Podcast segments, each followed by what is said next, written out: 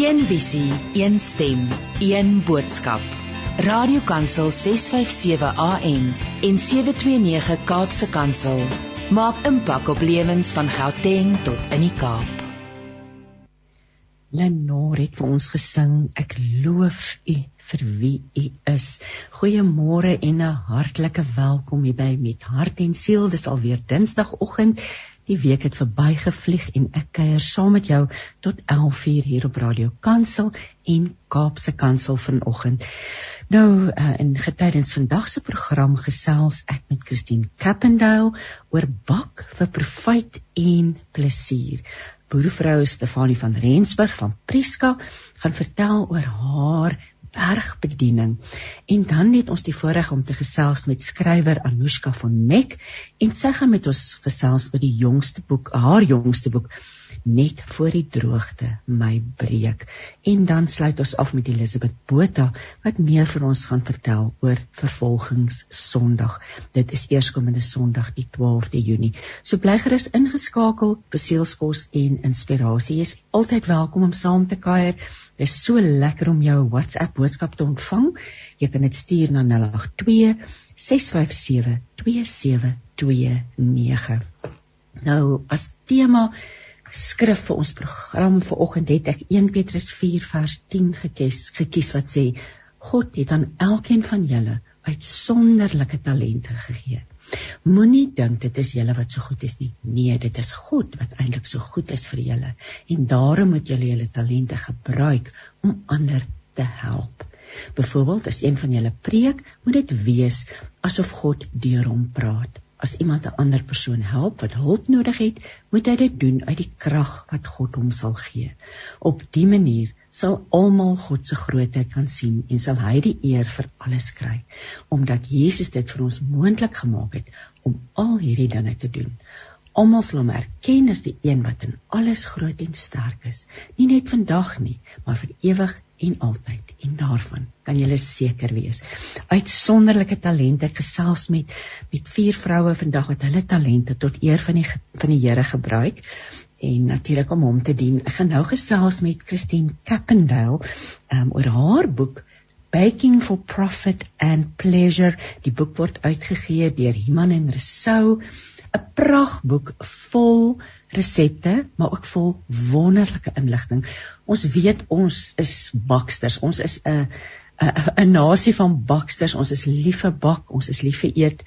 En hierdie boek benader dit van twee invalshoeke wat dit regtig interessant maak. En ehm um, ek glo ons het nou vir Christine op die lyn. Goeiemôre Christine. Goeiemôre Christine, hoe gaan dit met jou? Dis nou vreemd om so mekaar aan te spreek met dieselfde naam, maar dit gaan baie goed met my. Hoe gaan dit met jou?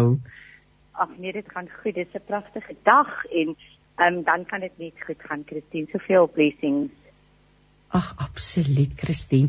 Maar ek wil net eers vir jou gelukwens met jou mooi boek.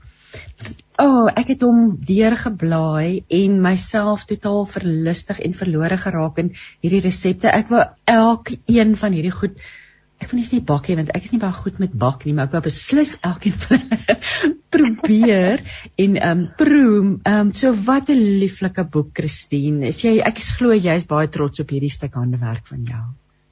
Ag baie dankie Christine.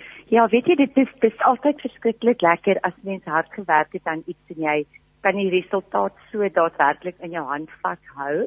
Maar die boek is maar 'n dit is groot werk. Dit dit vat 'n lang tyd om alles bymekaar te kry. Dis baie toets, dis baie twyfel in jouself of jy die regte goed kies en die regte bestanddele en die regte resepte maar aan die einde van die dag as ek dit my hand vashou, is dit 'n wonderlike gevoel. Dit is regtig 'n lekker gevoel. ek is nou geïnteresseerd oor die toetsproses. Toets jy ek neem aan sommige resepte moet jy 'n hele paar keer toets voordat jy tevrede is. Ja, maar weet jy hoe hierdie boek eintlik um, gebeur het? Um, Christine in lockdown het ek besluit toe almal nou, weet almal het mos maar klein pro projekkies gehad. Ek het elke dag het ek 'n nuwe resep probeer um, en dit dan vir iemand gegee in die gemeenskap, soos die brandweermanne en die ehm um, polisie en na die ouete huise. Ek het so uitgesluit en die goedjies vir mense gaan gee. So ek het lekker gespeel en ehm um, met die resepte en gedink wat kan by mekaar pas en so so baie van hulle het nie altyd so goed uitgekom nie. Ehm um, so baie keer is dit weer is dit 'n kwessie van jy moet maar iets 'n paar keer doen voordat jy heeltemal tevrede is, maar gelukkig het ek 'n baie groot groep ehm um, gewillige proefkonyne gehad. So glo so. Christine, oh. waar het jou liefde vir bak vandaan gekom? En Christine definitief van my ma. My ma was ongelooflik goed met kos, maar regte boerekos, weet sy het regte boerekos gemaak, maar sy het ook verskriklik lekker gebak en ek was die enetjie, ek het nog 3 sissies, maar die ek was die een wat heeltyd by my ma nie kom bys gebly het en gekyk het wat sy doen en op die toonbank gesit het en probeer help het. En ek onthou ek het 'n kookboekie een Kersfees daar persent gekry wat net prentjies was. Um voor ek kon lees en um, ek het daai daai boekie deurgeblaai en resepte probeer saam met haar. So dit kom regtig waar dit is maar deel van my DNA dink ek. Dit kom van baie baie vroeg dae af saam met my ma beslis. Jy sê so 'n mooi ding voor in die boek. Jy sê bak is 'n vorm van kommunikasie, 'n manier van liefde, waardering, dank en selfs simpatie oordra. Ja, dis dan baie waar woorde. Ja, weet jy, ek moet sê, um, ek altyd as iemand swaar kry, dan is my eerste um, reaksie is altyd ek wil vir hulle iets bak of iets kook, maar gewoonlik bak van ag ek dink dit is regtig jy gee 'n stukkie van jouself as jy vir iemand iets bak en en almal hou daarvan om bederf te word met iets gebak. So en wat vir my so oulik is nou wat my dogters, ek het twee pragtige dogters wat hulle groot is, sien ek ook wanneer hulle vriende wil bederf of as iemand swaar kry doen hulle presies dieselfde. Hulle bak dadelik iets lekker vir die persoon en neem dit vir die familie. so mens gee oh. ietsie van jouself, dink ek. Dis dis te wonderlik. Ek wil nou vir jou vra hierdie kookboek is 'n opvolgboek nie waar nie. Dis daar was 'n vorige een ook met hierdie hierdie titel. Dis reg, Christine. Die eerste een, ek dink dit in 2015 uitgekom. Dieselfde konsep Maar ehm um, weet die tye het verander van 2015 tot nou. Daar's definitief ja, baie ja. meer mense wat bak ehm um, letterlik om hulle families weet kos op die tafel te sit. En dan ook het bak baie ehm um, uh vir weet modieus geraak. Jy daar's baie nuwe idees, baie maniere en baie goed het verander in nie regtig die basiese bestanddele nie, maar hoe koeke voorgesit word en hoe goed aangebied word gebak. Dit baie meer verander. So hierdie is heeltemal 'n moderne weergawe van die vorige een met baie nuwe inligting en dan ook heeltemal nuwe resepte. Daar's 'n um, 80 resepte in die boek en 76 van hulle is nuwe resepte.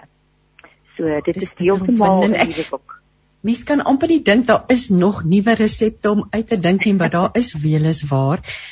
Kom ons praat oor hierdie verandering want hierdie boek het er, soos ek in die begin gesê het is tweeledig. Aan die een kant hierdie wonderlike resepte, aan die ander kant 'n magdom inligting, kosbare inligting. Maar ek wil nou vir jou vra, hoe verander 'n mens jou stokperdjie in 'n besigheid? Wat is daai eerste stap wat 'n mens moet neem? Dit is nogal 'n um, hoe dit met my begin het, was ek het baie gebak vir mense en dit het later gedink maar jy's lank dit almal hou van wat ek bak. So ehm um, dit is iets wat ek kan doen van die huis af en by my kinders wees. So het ek het begin meer professioneel aan ehm um, weet die hele taak ehm um, aanpak. Dit is nogal moeilik as jy dit doen van 'n stokperdjie om dit oor in 'n besigheid te sit maar gewoonlik ehm um, as jy nooddruk moet jy dit doen dan is dit maklik maar om net daai besluit te neem om dit te neem want mense is gewoond jy doen alles vir hulle vernet en dan veral vir ja. die skole en en oral en om dan ewe skielik geld te vra daarvoor is 'n bietjie moeilik. Mens moet maar baie vasberade wees jy moet daai besluit maak. Soos ek sê as dit noodgedwonge is, dan is dit maklik, maar as ja. jy net besluit wel jy moet nou hierdie stokperd, jy weet jy sit baie tyd daarin. Ehm um, jy moet dit nou begin in 'n besigheid omskep en jy moet dit meer professioneel aanpak. Maar vir my was dit die maklikste om gedink. Ek het altyd gedink en as mense ry op die oggende in die in die oggende almal op die N1 of die N2 werk toe. Almal gaan maar werk om geld te verdien en 'n bak is ook maar werk. Jy weet dit is harde werk. So jy moet um, ook regtig daai besluit neem dat jy you worth it. Jy weet wat jy bak ja, is goed ja. genoeg om geld um mee te verdien. So ek sê dit is is 'n bietjie moeilik vir my. Dit is moeilik want my natuurlike reaksie altyd met mense is om hulle te bederf met my gebak. So dan dink ek maar hm, ek moet eintlik vir hulle geld vra daarvoor. So dit is maar selfdissipline. Jy moet die besluit maak en dan moet jy daarby bly. En dan waarskynlik uh, daar ja, daar's 'n klomp goed wat jy kan doen, maar waarskynlik 'n klein aankondiging. Ehm um, jy, jy praat nou nou oor ons gaan praat oor die handelsmerk wat mense ontwikkel en dalk moet net vir jou vriende 'n aankondiging maak en sê ek gaan nou begin bak my bak word nou besigheid jy weet dalk die ys so breek nê Ja, ja, jy moet dit definitief doen, maar ek dink voordat jy dit begin doen, ook moet jy jou huiswerk mooi doen om te sien presies wat jy gaan bak, Ehm um, jy moet jou kosteberekenings natuurlik doen om te kyk wat dit gaan kos en dan is dit 'n baie goeie idee om 'n soos jy sê om 'n um, aankondiging te doen of 'n klein nuusbrief uit te stuur.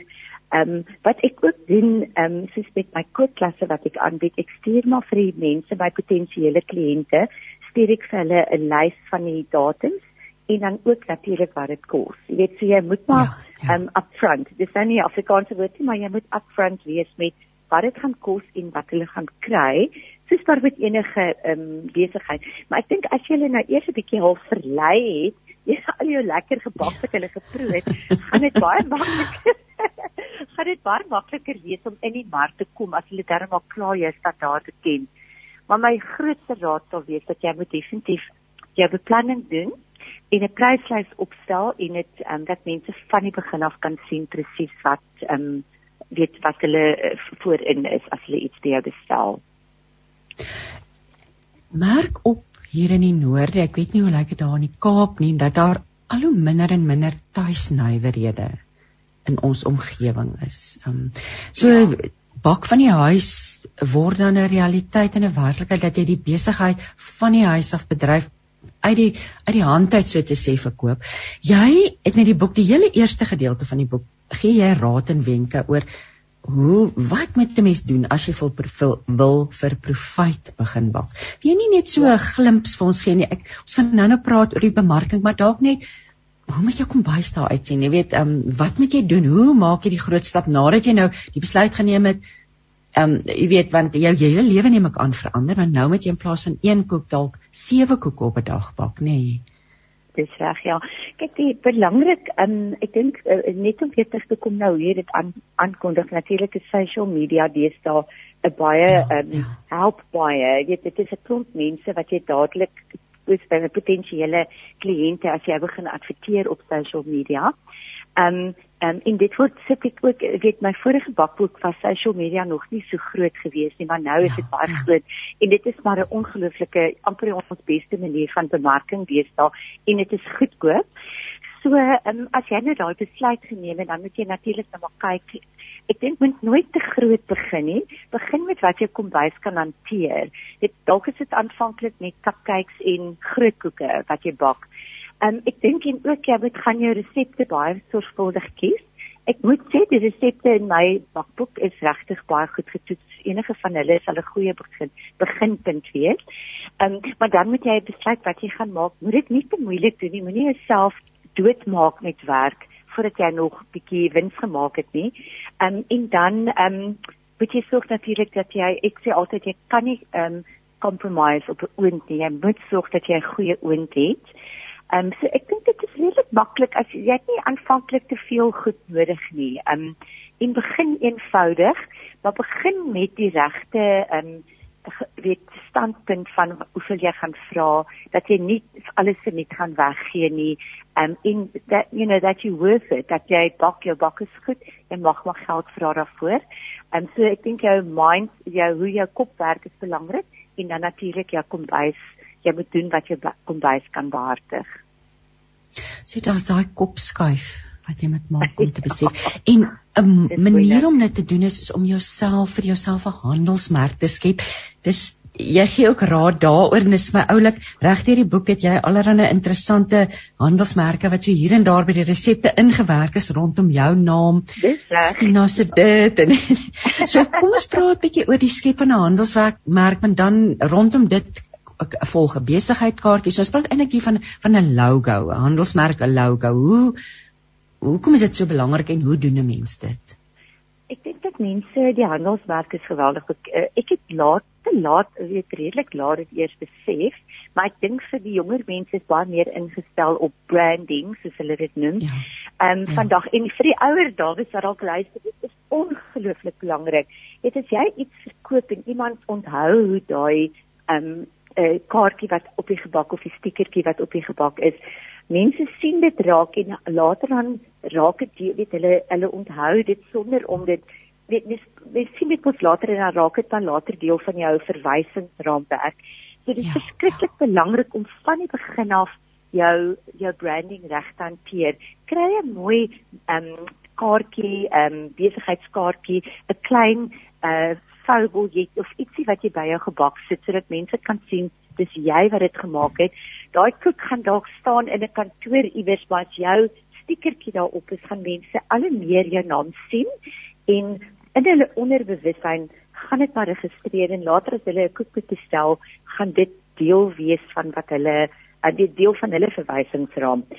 So ek dink op social media se dis dan maklik as jy 'n um, soos op Instagram, as jy byvoorbeeld nou Christine's Cakes, weet jy kan daai Christine's Cakes kan deurgaan op die labeltjie wat jy op jou koek sit. Ehm um, jy kan jou besigheidskaartjies alles kan met daai uh weet daai um, logo um, geskied. So van die begin af maak 'n mooi ja, jy moet van die begin af alles deurtrek en alles wat jy doen, moet jy daai logo heeltyd gebruik en dat mense dit kan leer ken. En natuurlik daar's programme op die internet as jy eie een wil skep. Daar's ook 'n magdom vryskut um jong um, uh, uh, ontwerpers wat al te graag maar vir jou so iets sal ontwerp, nê? So die ja, moontlikhede ja. is regtig legio. Jy het nou verwys na die stoof, mens moet 'n goeie stoof hê. Ek dink sommer net selfs vir tuisbak is dit so belangrik.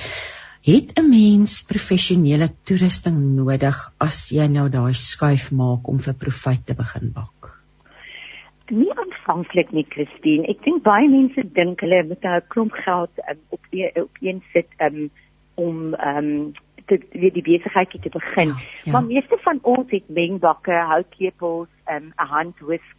Um, ek sou sê dit sou natuurlik help as jy baie gaan bak om 'n elektriese staan um, menger te hê. Um, ek kon nou nie branding gebruik nie, maar um, dit soos byvoorbeeld 'n Kenwood of 'n um, KitchenAid is baie handig, maar jy kan baie koeke bak sonder om enige um, groot um, um, equipment te hê.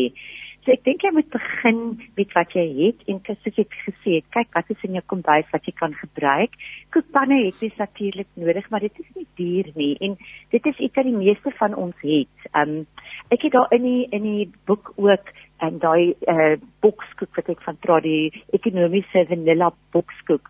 Dit jy kan selfs iets in 'n boks bak as jy dan 'n regtig nie 'n pan het nie. Um so daar is nie regtig 'n verskoning nie as jy 'n goeie oond het en jy het 'n mengbak en 'n houtlepel en 'n whisk kan jy maar eintlik aan die werk en 'n definitief maatkoppies kan jy aan die werk spring. Wat ek gedoen het oor die jare is elke keer as ek 'n redelike goeie wins gemaak het met 'n funksie, ek het baie stasionering gedoen. Ehm um, dan het ek van die geld op een uh, op sy gesit om my my equipment aan te vul. Jy dan het ek nuwe bakplate gekry, nuwe koekpanne, en uh, miskien 'n 'n goeie skaal, um suikertermometer. So ek het so lysie vir my gemaak, 'n wishlist en dan het ek elke keer as ek ekstra geld gehad het, het ek van dit bygekoop. En so groei die besigheid en um ek ek lees nou ook die belangrikheid daarvan om alles in stand te hou en netjies en skoon te hou want natuurlik um dis dis baie belangrik. Is ja. daar ek het nou die volgende vraag kosteberekening en finansies. Ehm um, ja. ooh, jy gee ook raad daaroor in die boek. Uh, ek wil sommer dalk 'n paar gedagtes nou oor die lig daaroor asseblief. En Christine, goed so, baie mense weet nie regtig wat hulle vir iets kan vra nie. Dit is nogal die groot probleem. Natuurlik moet jy jou costing gaan doen. Ek gaan nou so 'n bietjie wenke gee oor dit, maar um, ek dink jy moet ook gaan kyk as jy jou marknavorsing doen. Wat is jou kompetisie en hoeveel vra hulle? Want jy wil nie weet 200 rand meer vra vir 'n koek as enige iemand anders in die dorp wat koeke bak om te verkoop nie. Ja. So jy moet dan minstens kan weet wat jou kompetisie vra en wat kan jy iets voor in die winkel koop, wat is by die local bakkery. Maar as jy kos so as jy costing gaan doen, moet jy baie baie ehm um, sorgvuldig te doen en dit baie deeglik doen. Jy moet maar uh, daar is 'n tabel, dit is 'n bietjie moeilik om dit oor uh, net so te verduidelik, maar wat dit baie mooi vir jou uiteensit. Gewoonlik werk ek op 'n derde is my fisiese koste van die bestanddele. Sê byvoorbeeld ek bak nou 'n sjokoladekoek. Ehm um, jy moet dit maar jou uh, reeksak rekenaartjie uithaal of dis sak kan jy dit op jou foon ook doen om nou uit te werk presies hoeveel twee koppies meel vir jou gaan kos um, en jou suiker en jou eiers en so dan kry jy nou jou totaal en um, ek skat dit is sê 30 35 um, rand, kom ons sê dis 35 rand. Dit is ek werk gewoonlik 1/3 is my koste, my bestanddele. En dan sal ek daai verdubbel. Ehm um, as sê dit was 35 rand, nog 35 rand by vir my aan arbeid. So dis nou 70 rand en dan sal ek 1/3 bysit as my wins. Met ander woorde dan werk ons op is dit R105. So dit is dan waarvoor ek dit sal verkoop. So derde is jou koste, 'n derde is jou arbeid of jy dit doen of jy iemand betaal om dit te doen. Dit is jou arbeidskoste en dan 'n derde is jou privaat. Maar dan kom daar ook natuurlik goed in wat jy moet in rekening hou is jou verpakking. En verpakking is nie goedkoop nie en jy moet dit mooi professioneel doen as jy graag wil uitstaan as 'n baie goeie bakker. Ehm um, jou jou jou equipment gaan maar bietjie slytasie en wear and tear so ek klein persentasie gaan ook daarby gesit word by my koste. Ehm um, ja, so dit is maar min of meer hoe ek werk. Ehm um, daai maar daai derde is weer is 'n redelike goue reël. 1/3 is jou koste, jou fisiese bestanddele, 'n derde is jou arbeid en 'n derde is jou wins. Stien, kom ons gesels oor die resepte want jy het vroeër genoem hulle is deeglik getoets En so hierdie boek is eintlik dan 'n stuk gereedskap vir iemand wat graag dan professioneel of vir profit wil begin bak. Um, maar vertel ons so 'n bietjie meer oor die resepte, meer as 80 resepte. Paar gunstelinge onder die resepte of 'n paar wat vir jou uitstaan? OK, ek sien so al die al ek het hierdie resepte nogal baie sorgvuldig gekies. Elke liewe resep in hierdie boek is 'n potensiële resep wat jy kan bak om meer ehm um, wins te maak, profit te maak. Ehm um, so ek het nie sommer net resepte wat vir my lekker is gekies nie. Ek het gedink aan is hierdie resepte wel sodat jy kan wins maak daarop en almal van hulle is. Maar ek wil net gou voor ek daarop uitkry en um, sê dat ehm um, die boek is natuurlik ook vir enige bakker wat net lief is vir bak ehm um, as soos byvoorbeeld ehm um, weet ehm um, um, iemand wat nie 'n besigheid van die huis af bedryf nie, maar hulle is maar daaroor om hulle familie en hulle vriende te bederf met hulle gebak, is hierdie boek ook ideaal. So dit is ideaal vir die bakker wat wil geld maak uit sy bak, maar dan ook vir iemand wat hier is baie lekker kreatiewe resepte en vir enige een wat hou van bak en natuurlik eet. maar van die resepte ja, so dit is nie net vir besigheid nie. Dit is definitief ook vir alle bakliefhebbers. Die resepte wat vir my ehm um, uitstaan. Ek het uh, in die middel van die boek is daar 'n 'n deel oor ehm um, southappies. Vinger, ek wil net gou kyk wat dit kom genoem. Dit is die southap, a sweet and savory platters. Ek het oor die jare gevind dat en um, baie keer is dit die moeite werd om eerder ehm um, amper spesialisering te doen want dan vra jy per kop vir mense en dan kan jy ook begin en dan bied jy 'n ander diens aan wat jy by hulle huis aankom met groot platters en dan raak die besigheid definitief meer um winsgewend. So ek het hou baie van daardie hoofstuk want daar is baie lekker idees vir southappies. Almal van ons ken hierdie platters wat jy by die supermarkte koop wat nie baie gesond is nie. Um ek wil nie vir hulle kritiseer nie, maar maar um of dit is almal se lyk min of meer dieselfde. So hier is vir jou heerlike sout en soet happies wat vir jou gaan laat uitstaan um, en dadelik vir jou 'n bietjie van 'n edge in die mark gee. En dan het ek ook die koekafdeling um, is ek baie opgewonde oor want daar's baie mooi moderne koeke. Idees vir troukoeke, vir doopkoeke, vir um um verjaarsdagkoeke uh spesialiteitskoeke, kaaskoeke, dis almal wat vir koffiewinkels gebak kan word of vir spesiale geleenthede. En dan natuurlik ook hoe mooier en hoe meer um complicated die koek lyk en raak hoe meer kan jy daarvoor vra. So daar's 'n baie goeie wins um perspektief by die koek um hoofstuk. En dan as ek nog bedink, hou ek ook baie van my pastei hoofstuk want daar's 'n klomp lekker pastei resepte En pastei is iets al woon jy op die platte land, en ver van jou mark af is dit iets wat jy kan maak en vries en ongebak aan mense verkoop. So dit dit dit gaan met ander woorde jou mark is redelik wyd. Jy kan jou goed bak en dit vries en op verskillende tye en verskillende plekke by mense aflewer. So ek sal sê daardie is my hoogtepunte in die boek. Ag Christine, dit is regtig 'n pragtige boek met ongelooflike resepte. Jy het nou net so geraak daaraan. Ai, ek ek meen nie se mond water sommer as jy hierdie boek blaai. En uh, dit is dit word uitgegee deur Iman en Resou en ek neem aan dit is by vooraanstaande boekwinkels reg oor die land. Um, ek glo ook mense sal op NB uh, uitgewers se se se webwerf kan gaan kyk, nê. Nee dit is reg Christine ja. Dis net gou laaste um, iets wat ek ek sien nou ek blaai nou hier my boek. Ek het ook hierso wenke gegee vir mense wat um uh bed and breakfast plekke het. Um jy weet dis so 'n lekker hoofstuk ja, vir ontbyt idees. Ja. Wat ek het nuwe vars resepte vir daai gastehuisie ja dis reg. Ek het so baie keer daar by gastehuise gebly en dan is die ontbyte so teleurstellend. Jy weet, dis altyd dieselfde goed. Dis gekookte muffins. Alles is maar bietjie boring. so ja, um, ek het ja. hier 'n hoofstuk met met lekker idees vir mense wat gastehuise ook bedryf. Jy weet, hier is lekker idees van interessante muffins of lekker broodjies en gebak wat hulle kan maak om hulle gaste mee te bederf van ek dink as mens by 'n gastehuis bly en jy kry 'n wonderlike ontbyt dan gaan jy weer terug daartoe. So dit is ook nog 'n ja, ja, iets belangrik in die boek. Weereens jy het jou talente ingespan eintlik om dit uit te leef maar ook om ander te help. So wat 'n wat 'n lieflike ding is dit nie om om so so iets te kan doen nie. So Christine, ek wens vir jou alle seën toe met hierdie boek. Ag, mag hy in baie hande beland en mag jy net wonderlike uh, vreugde uit hierdie boek put sommer elke dag die, die feit dat jy dit geskryf het en die wete dat jy mense help. Ek dis tyd om te groet. So ek wil sommer dankie sê en regtig alle liefde en alle seën vir jou met alles wat jy op die oomblik mee besig is. Baie baie dankie Christine en dankie vir die wonderlike geleentheid om met jou te praat. Dit was baie lekker. Ach, Elsa Nelsie vir ons dankie vir die gesprek. Ek het lekker geluister. So ek neem aan Elsa is iemand wat hou van bak. Ons gaan nou gesels met Stefanie van Rensburg en ja, sy het 'n wonderlike bediening daar in Prieska al vir 'n hele geruime tyd lank. Goeiemôre Stefanie. Môre Christine, hoe gaan dit? Goed, Priskas baie ver van hier van die noord af. So ek is jammer as ek jou so bietjie verloor. Dit gaan uitstekend ja. altyd beter om nou met jou te gesels.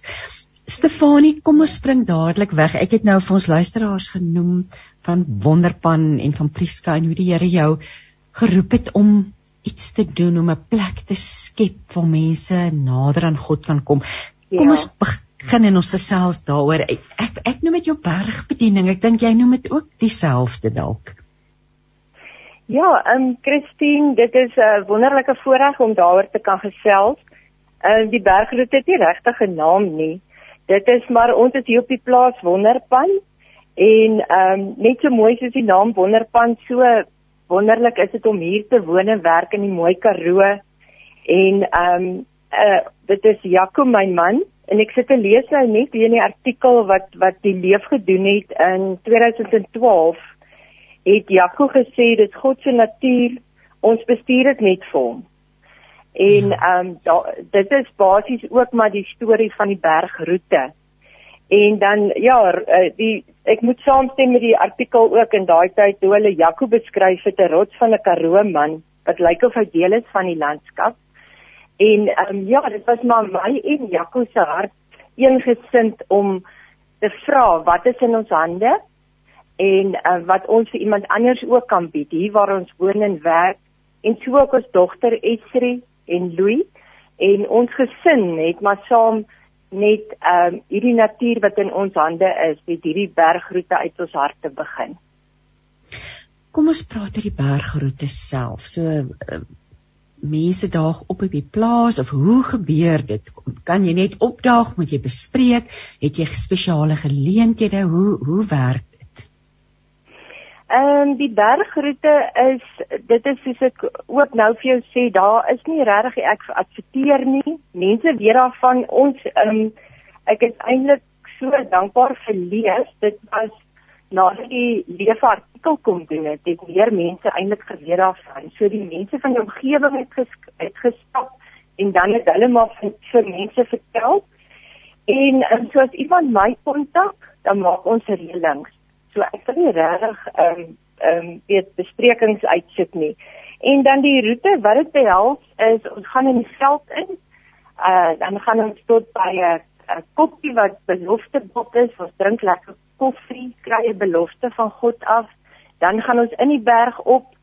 Daar doen ons verskeie simboliese profetiese aksies soos klippies waar skrif geskryf is wat jy optel, ons roep uit 'n grot, sit onder 'n boom met linte. Ehm um, ons is in die woord en dan 'n bietjie meer van 'n stappie tot by die kruis hoog bo op die berg waar jy dan jou naam skryf en die natuur en Heilige Gees bedien die mense self. Ons ehm um, lei hulle net om die dag te stap terwyl hulle stil word in die natuur klink vir my net na iets wat 'n mens se siel na smag. Daai wye ja. oop dis van die Noord-Kaap en die Karoo en dan ja. soos jy sê die Heilige Gees doen die werk. Hoe lank mm. is dit is dit 'n dagroete? Hoe lank? Hoe ver? Hoe gesond? Hoe fiks moet jy wees om dit te kan doen? Ja, ons lag altyd Christine. Ehm um, elke keer is dit ook half anders. Dit is min of meer daar's 'n daar is 'n basiese lyn of 'n uh, uh, wat ons doen, maar dit is met elke groep sal Heilige Gees in my hart iets spesiaal vir hulle sê. Stap hier om of doen hierdie en ehm um, dit is nog gewoonlik so 5 ure of dit hang af, maar jy vra nou oor die fiksheid. Ons het eendag 'n groep gehad wat graag op die berg wou wees as die son opkom. Ehm um, so ons het net die groep gekry en begin stap En toe die son opkom en ek kyk om het ek gedink, "Sjoe, hoe het jy hier bo gekom?" Wat 'n bietjie onfiks en oorgewig was, maar dit is asof hulle net arendsvlek kry. Maar dit is 4, 5 ure te sien en dit is net 'n dagroete. So dan kom net tot by my en en ons kyk wat die dag bied. Ons eet lekker in die veld ietsie saam of die laaste groepie het ek sommer hier by die huis vir hulle kos gegee. So dis is ek sê elke groep is so uniek en elkeen wat wat kom, geniet die detail waarin God met elkeen werk, spesifiek in detail. Jy nou verwys na jou man as as ja. as 'n rots van 'n man en dat jy gesê het jy wil werk met wat die Here in jou hand gesit het. Ek wil bietjie met jou gesels oor jou pad met die Here want 'n mens moet naby aan die Here loop as jy bereid is om so ietsie te doen, nê, nee? om na sy stem te luister ja. en mense te lei tot 'n dieper belewenis van hom. Ja, ja. Ehm um, ek Christine, ek dink ja, um, my paadjie het gedink daaroor en en wat die duidelikste by my opgekom het is, is waar weet ek nou dink waar ek nou my hart vir Jesus gegee het was die beeld van my ma wat vir my om en by 6, 7 jaar oud gesê het kom sit op my skoot en vir my gevra het wil jy jou hartjie vir Jesus gee. En so ek uh, stap maar nog altyd so met die uh, met 'n liefde vir God en soms laat sak jy in my jou kop en jy draai 'n bietjie af maar sy liefde het my nog altyd teruggetrek. Maar rondom die roete was my ek is uh, baie bederf deur God om wonderlike geleenthede al te kon doen die Camino gestap en ek en Jaco het berg gehoor het in Egipte gestap. Ehm um, ek was by julle retreat en daar het 'n so dankbaarheid in my hart gekom dat dit gelei het tot gehoorsaamheid want ek het net gedink alle vrouens gaan nie of mans of kinders gaan nie hierdie geleenthede kan bywoon nie. Almal kan miskien nie in Israel uitkom nie. Ja, Almal ja, kan nie ja. dit doen nie. En en ek dink uit daai dankbaarheid uit 'n dankbare hart het, het gehoorsaamheid gekom. En ehm um, ja, met dit eintlik min woorde oor oor die berg. Dit is maar eintlik dit is net God se berg. Jy het vir my laat weet dat verlede week daar vir die eerste keer na 3 jaar het daar weer ja. jy weer vroue op die berg verwelkom. Ons is deur COVID, ons is deur droogte. Mm. Vertel ja. my 'n bietjie oor die belewenis. Dit moes baie spesiaal gewees het, nê? Nee. Ja, dit dit was en dan wil ek ook net sê dat dit dit is nie net altyd vrouens nie. Daar was al baie mans. Hierdie komende Saterdag kom maar jong mense, 'n klomp jong mense. Maar hierdie was 'n spesiale groep van 13 vrouens wat toe nou gevra het. En ehm um, ja, ek ek moet eerlik wees Christine, dit was dit was so moeilik ehm um, amper om die dag te kon doen. Dit het gevoel of 'n mens nie meer kan nie na COVID, droogte, ja, ehm ja, um, ja, al die ja. dinge. Dit was of 'n mens kop gehang het. En ek het gister Psalm 27 gelees en daar's 'n skrif wat sê: "Ek weer my kop opgelig om ja. aan U lof te bring." So hy hy het regtig waar ons koppe weer opgetel, maar om aan om lof te bring En dan ook, ek het nou die artikel sit te lees net nou, ek sien ek het daar geskrywe, ek is net 'n gewone uh, Karoo vrou met 'n jean aan. En toe ek nou opstaan om hierdie vrouens op te vat die oggend, gryp ek die jean en uh, my hart sê vir my, trek daai rokkie aan wat jy by die tweedehandse winkel ge gekoop het met met tights net by aan in my stapskoene en ek doen dit toe en die vrouens sê, uh, "Jo, 'n rokkie." en ek kon toe vir ook vir hulle en vir my die boodskap gee hierdie tweede aanse rokkie is dat daar is soveel tweede kansse by God. Ons ons hanteer dit met respek. Dalk nie altyd by mense nie, maar God gee ons tweede kansse. Hy het ons kop opgelig en um, hy trek ons feesklere aan. So kom ons gaan hoor op in die berg. Ehm um, ja, dit was baie ja, baie spesiaal geweest. Ek dink net daai die daai ek wil half stil staan by daai woorde van jou wat jy nou gesê het van tweede kansse en ons moet weer leer om ons feesklere aan te trek nie ons het weggekruip ja. vir die wêreld ja. en ons huise toegesluit so lank gewees en ek moes bietjie ja. verleer om ons feesklere aan te trek ek weet ek het ja uh, ja so wat 'n wonderlike Ja, mens het amper half gemaklik geword nou maar met swaar kry en ek dink ons moet versigtig ja. wees. Ja. Dit dit is ja. nie ons ehm um, erfenis nie. Dit is nie die erfenis waaraan ons ehm um, berg op moet beweeg nie. Ja. Stefanie, jy is so biddend voordat jy 'n groep mense opvat berg toe of jy en jou mense, jou jou gesin en jou man. Ek wil by jou hoor wat wat lê die Here tans op jou hart? Wat wat wat lê swaar op jou hart op die oomblik wat jy dalk met ons radiokansel luisteraars wil deel? Ehm um, op my hart, ehm um, eerstens ro rondom die berg, rondom wat wat wat ek persoonlik hiermee wil doen is bemoediging. Dit is dit is net vir my as ons mekaar kan bemoedig met waarheid met daai diep diep waarheid wat wat 'n verskil kan maak. En en en mos nou hierdie wonderlike van die berg, die natuur is dan amper my en daai persone se binnekamer vir daai tydjie. En um in die eenvoud van die natuur en in die eenvoud van die evangelie lê sy makende krag. Ek dink alles het so verskriklik gekompliseer geraak en ons het ons net ons verstand so half voel dit blok. So ek dink as ons net kan opreg bemoedig en waarheid praat en dan 'n uh, eh, diep vertroue en geloof sonder dat ons weet eendag op 'n slag daai vertrou geloof sonder ons emosie. Sonder ons emosies al voel ons nie so nie. Maar om daai geloof en, en vertroue te vat gehoorsaam te wees want gehoorsaamheid God eer dit en dit dra vrugte. Weet jy net dink onmiddellik nou aan die klippies of die roep ja. uit die grot of die sit onder die bome die linte. Dis alles simboliese en profetiese dinge wat ons doen en partykeer net deur daai daad ja kom daar vernuwing nê al al voel jou hart nie so nie al voel jy leeg en droog ja, ja. jy het verwys ja. na dankbaarheid en om aan God gehoorsaam te wees. Is daar iets wat jy ja. daaroor nog met ons wil deel? Ehm um, Ja, dink maar net ek het ook die woord gehoorsaamheid nou heeltyd in ons gesprek op opkom nie. Ehm um, ek, ek ek wil amper sê ook ehm um, vir iemand praat nou oor die berg wat berg toe kom om te kom stil word. ek sê ook ehm um, in die COVID tyd of in die tyd vir mense gesê wat regtig deur 'n krisis gaan, gee ek vir 'n bakkie, dan gaan hulle in die berg. Hulle gaan alleen voor God.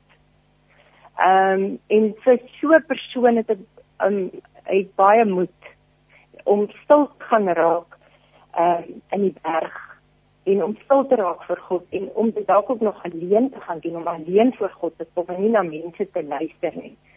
So ehm um, ek dink daar sal jy hoor waaraan jy moet gehoorsaam wees. Ek dink ons moet weet waaraan moet ons gehoorsaam wees. Die die waarheid. En ehm um, Christine, dit ja. was my so lekker na die 3 jaar. Ek het die vorige dag het ek nog 'n uh, klippies geskryf met skrif op en linte gebind. En toe ek afry van die berg af om te dink toe ek slaap, die berg is weer vol woord. Daar watter weer linte, maar die berg is weer versadig met woord. So gehoorsaamheid en woord gaan vir my saam. Ehm um, en die berg, ehm um, as jy berg toe kom, sal jy 'n klip optel en God is so wonderlik, hy sal jou verras en jy sal verwonderd staan want die skrif wat jy gaan kry, gaan uit sy hart spesiaal vir jou wees. En dis 'n hy hy doen dit, dit ek hoef nie iets te doen nie. So laaste ja. vraag. Die tweede laaste vraag. die rol van die natuur en in stilte wat wat dit speel in ons verhouding met God. Julle wat so daar woon waar dit stil is. Hoekom het ons ja. dit so nodig? Ehm um, ja, ek soos ek net uh, verwys het na die natuur as ek so alleen, ek is baie alleen in die natuur. Ek sal sommer soms op 'n weekdag gou op ry berg toe net by die eerste grot gaan sit. Dan voel die natuur vir my soos my binnekamer en ek dink ek praat namens baie harte. Ehm um, dis God se skepping. En toe hy alles klaar geskape het, toe het hy gesê nou gaan ek my kroon maak. En toe het hy nou vir my en vir jou en vir elkeen wat luister het gemaak. So dis hoekom ons so tuis voel daar. En as ons in die natuur is, ek en my man was nou saam met vriende in die Rigtersveld waar daar ook so niks is nie. Dit vat vir jou 'n rukkie om tot rus te kom Maar as jy dan daai stilte diep binne in jou kry, dan weet jy, dit is maar eintlik wat God bedoel het, dat ek moet stil raak. Ek wil ja. stil raak. Ja. En hy nooi ons berg op, nê? Ehm, um, kyk net ja. Moses, hoeveel keer moet hy berg op gaan? Kom ek ja. ek wil vra oor die pad vorentoe en ek wil ook vra ehm um, is daar geleenthede wat gaan nou gaan opduik en waar kan mense met jou kontak maak?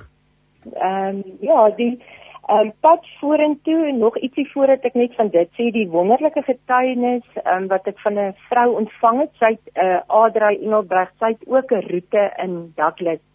Sy het hierdie roete gestap en en um vir ons kom getuig dat uit hierdie roete het sy Douglas se roete begin en toe sy weer vir my vertel van nog drie vrouens wat ook ja. hier uit het hulle roetes begin. Ehm um, so ek het nou gehoor van hulle so as iemand my as ek nou my nommer gee dat ook daai vrouens se kontakbesonderhede as as ehm um, hulle dalk dit wil hê en ek sal graag by elkeen van daai vrouens wil uitkom en ook net hulle roetes gaan stap in hulle hart hoor so ek ehm uh, my hart weet weet dat die staproetes, die retreat roetes, die gebedsroetes ehm um, het eh uh, daar's 'n groot visie vir dit in ons land. Uh nie net in Spanje met die Camino nie, dit, dit is baie belangrik. So die pad vorentoe vir my is maar net bemoediging.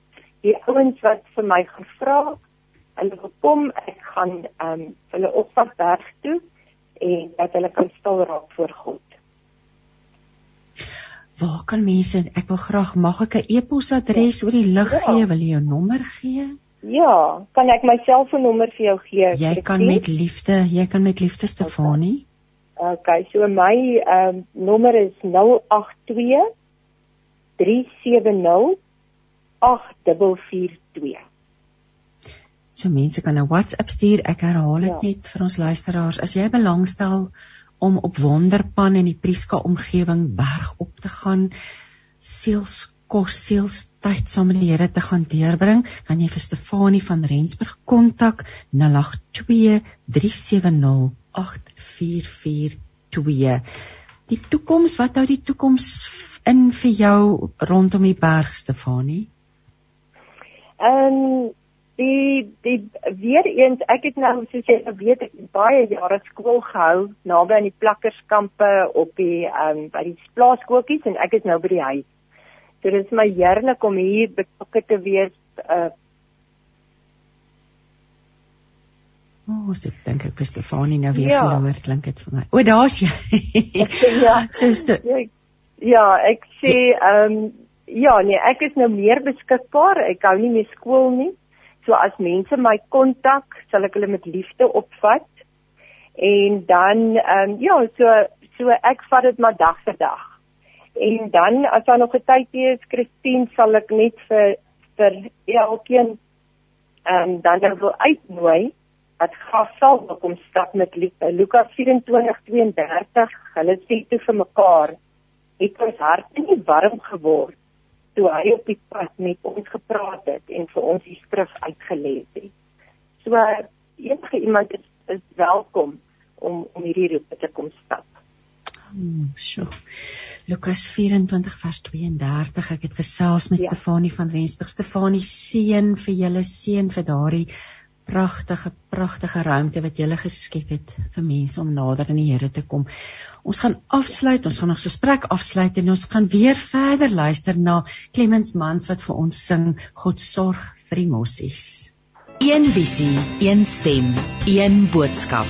Radiokansel 657 AM en 729 Kaapse Kansel maak impak op lewens van Gauteng tot in die Kaap. Jy luister dan met hart en siel. Dis nou 10 minute oor 10 en ek hou in my hand 'n baie besonderse boek vas, uh, geskryf deur Anushka van Mek.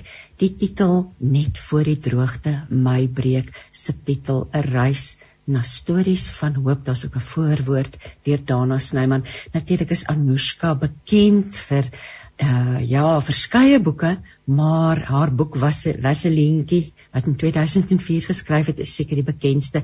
Anushka het ook uit onder meer 'n doktorsgraad in kreatiewe skryfkuns en haar ma, mense was eens boere in die suide van Namibië. Maar Anushka het hierdie baie baie spesiale boek geskryf en gaan nou vir ons meer daaroor vertel.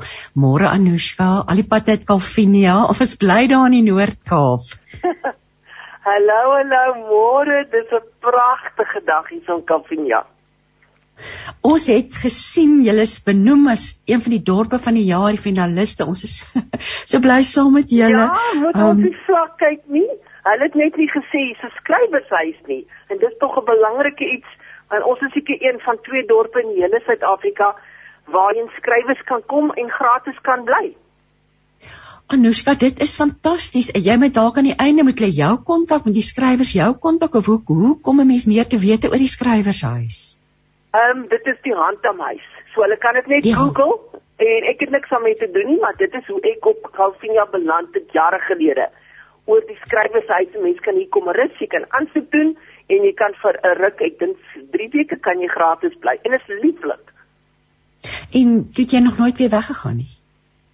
Nee nee nee.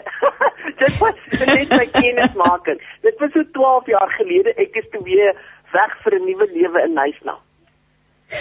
Anushka, kom ons praat oor jou boek. Hierdie boek, ek lees nou hier agter, dit is moontlik gemaak met die samewerking, deur die samewerking van die droogte hulpfonds. Um ongelooflik. Ons land het so gebuk gegaan onder die droogte. Daar's dele wat dinge nog nie heeltemal reg is nie. Jy het met 53 boere in hulle gesinne in 16 drooggetuisterde gebiede onderhoude gevoer, meer as 13200 km afgelê om hierdie boek te kom saamstel. Wat ja. het die skryf van hierdie boek so besonder gemaak vir jou? Jong, daar's daar's 'n klomp dinge. Eerstens was dit die um, kyk, dit is nie my boek nie. Ek is 'n gehuur as die skrywer. Dis Christelike Lektuurfonds en dit was iemand se anders se projek haar droom. Ehm um, maar in elk geval en toe het hulle my gebel net mooi op die eerste dag in jare wat ek niks het om te doen. Daai oggend sê ek, "Vader, nou wat doen ek volgende?" Hier bel die mense my uit die Parel uit. Hulle ken my van geen kant af nie. En ek, I mean, wie weet jy wat ek is so lief vir die boere. Wie weet ek is nou beskikbaar om te ry. Verstaan jy? En ek lief om te Ja. bestuur en Ons weet dit geweet. Ja, ja, vader het geweet. Maar die probleem vir my is ek is verskriklik lief vir diere en ek sien nie kans vir smart om te ry van een plek waar die diere vrek tot die volgende plek nie. Weet jy dat ek ek soveel wonderwerke gehad. Jy nou gesê hoe ver ek gery het. Hoeveel plekke was ek? Ek het nie een dier sien vrek nie. Nie een nie. Ai. As ek by 'n plek kom, dan sê hulle as jy nou net 'n uur gelede hier was, as jy nou net gister of eergister was, toe die hoope hier gelê, die elande of die jy verstaan nie of die skaap of die bokke, toe was dit hier maar nou het dit nou net mooi skoon gemaak. So die Here het my so vooruit gegaan met daar is ek wil net vir die mense ook sê, daar is nie foto's van diere wat dood is in my boek nie, want ek self sal nie so boek optel nie. Dit gaan oor die mense se stories. Ja, die diere smart is verskriklik, maar dit dit fokus op die mense. Jy sê in die in die voorwoord, ek was op soek na die goue draad van hoop deur elke storie, maar wat ek ontdek het was soveel groter. Wat was hierdie ontdekking Anushka?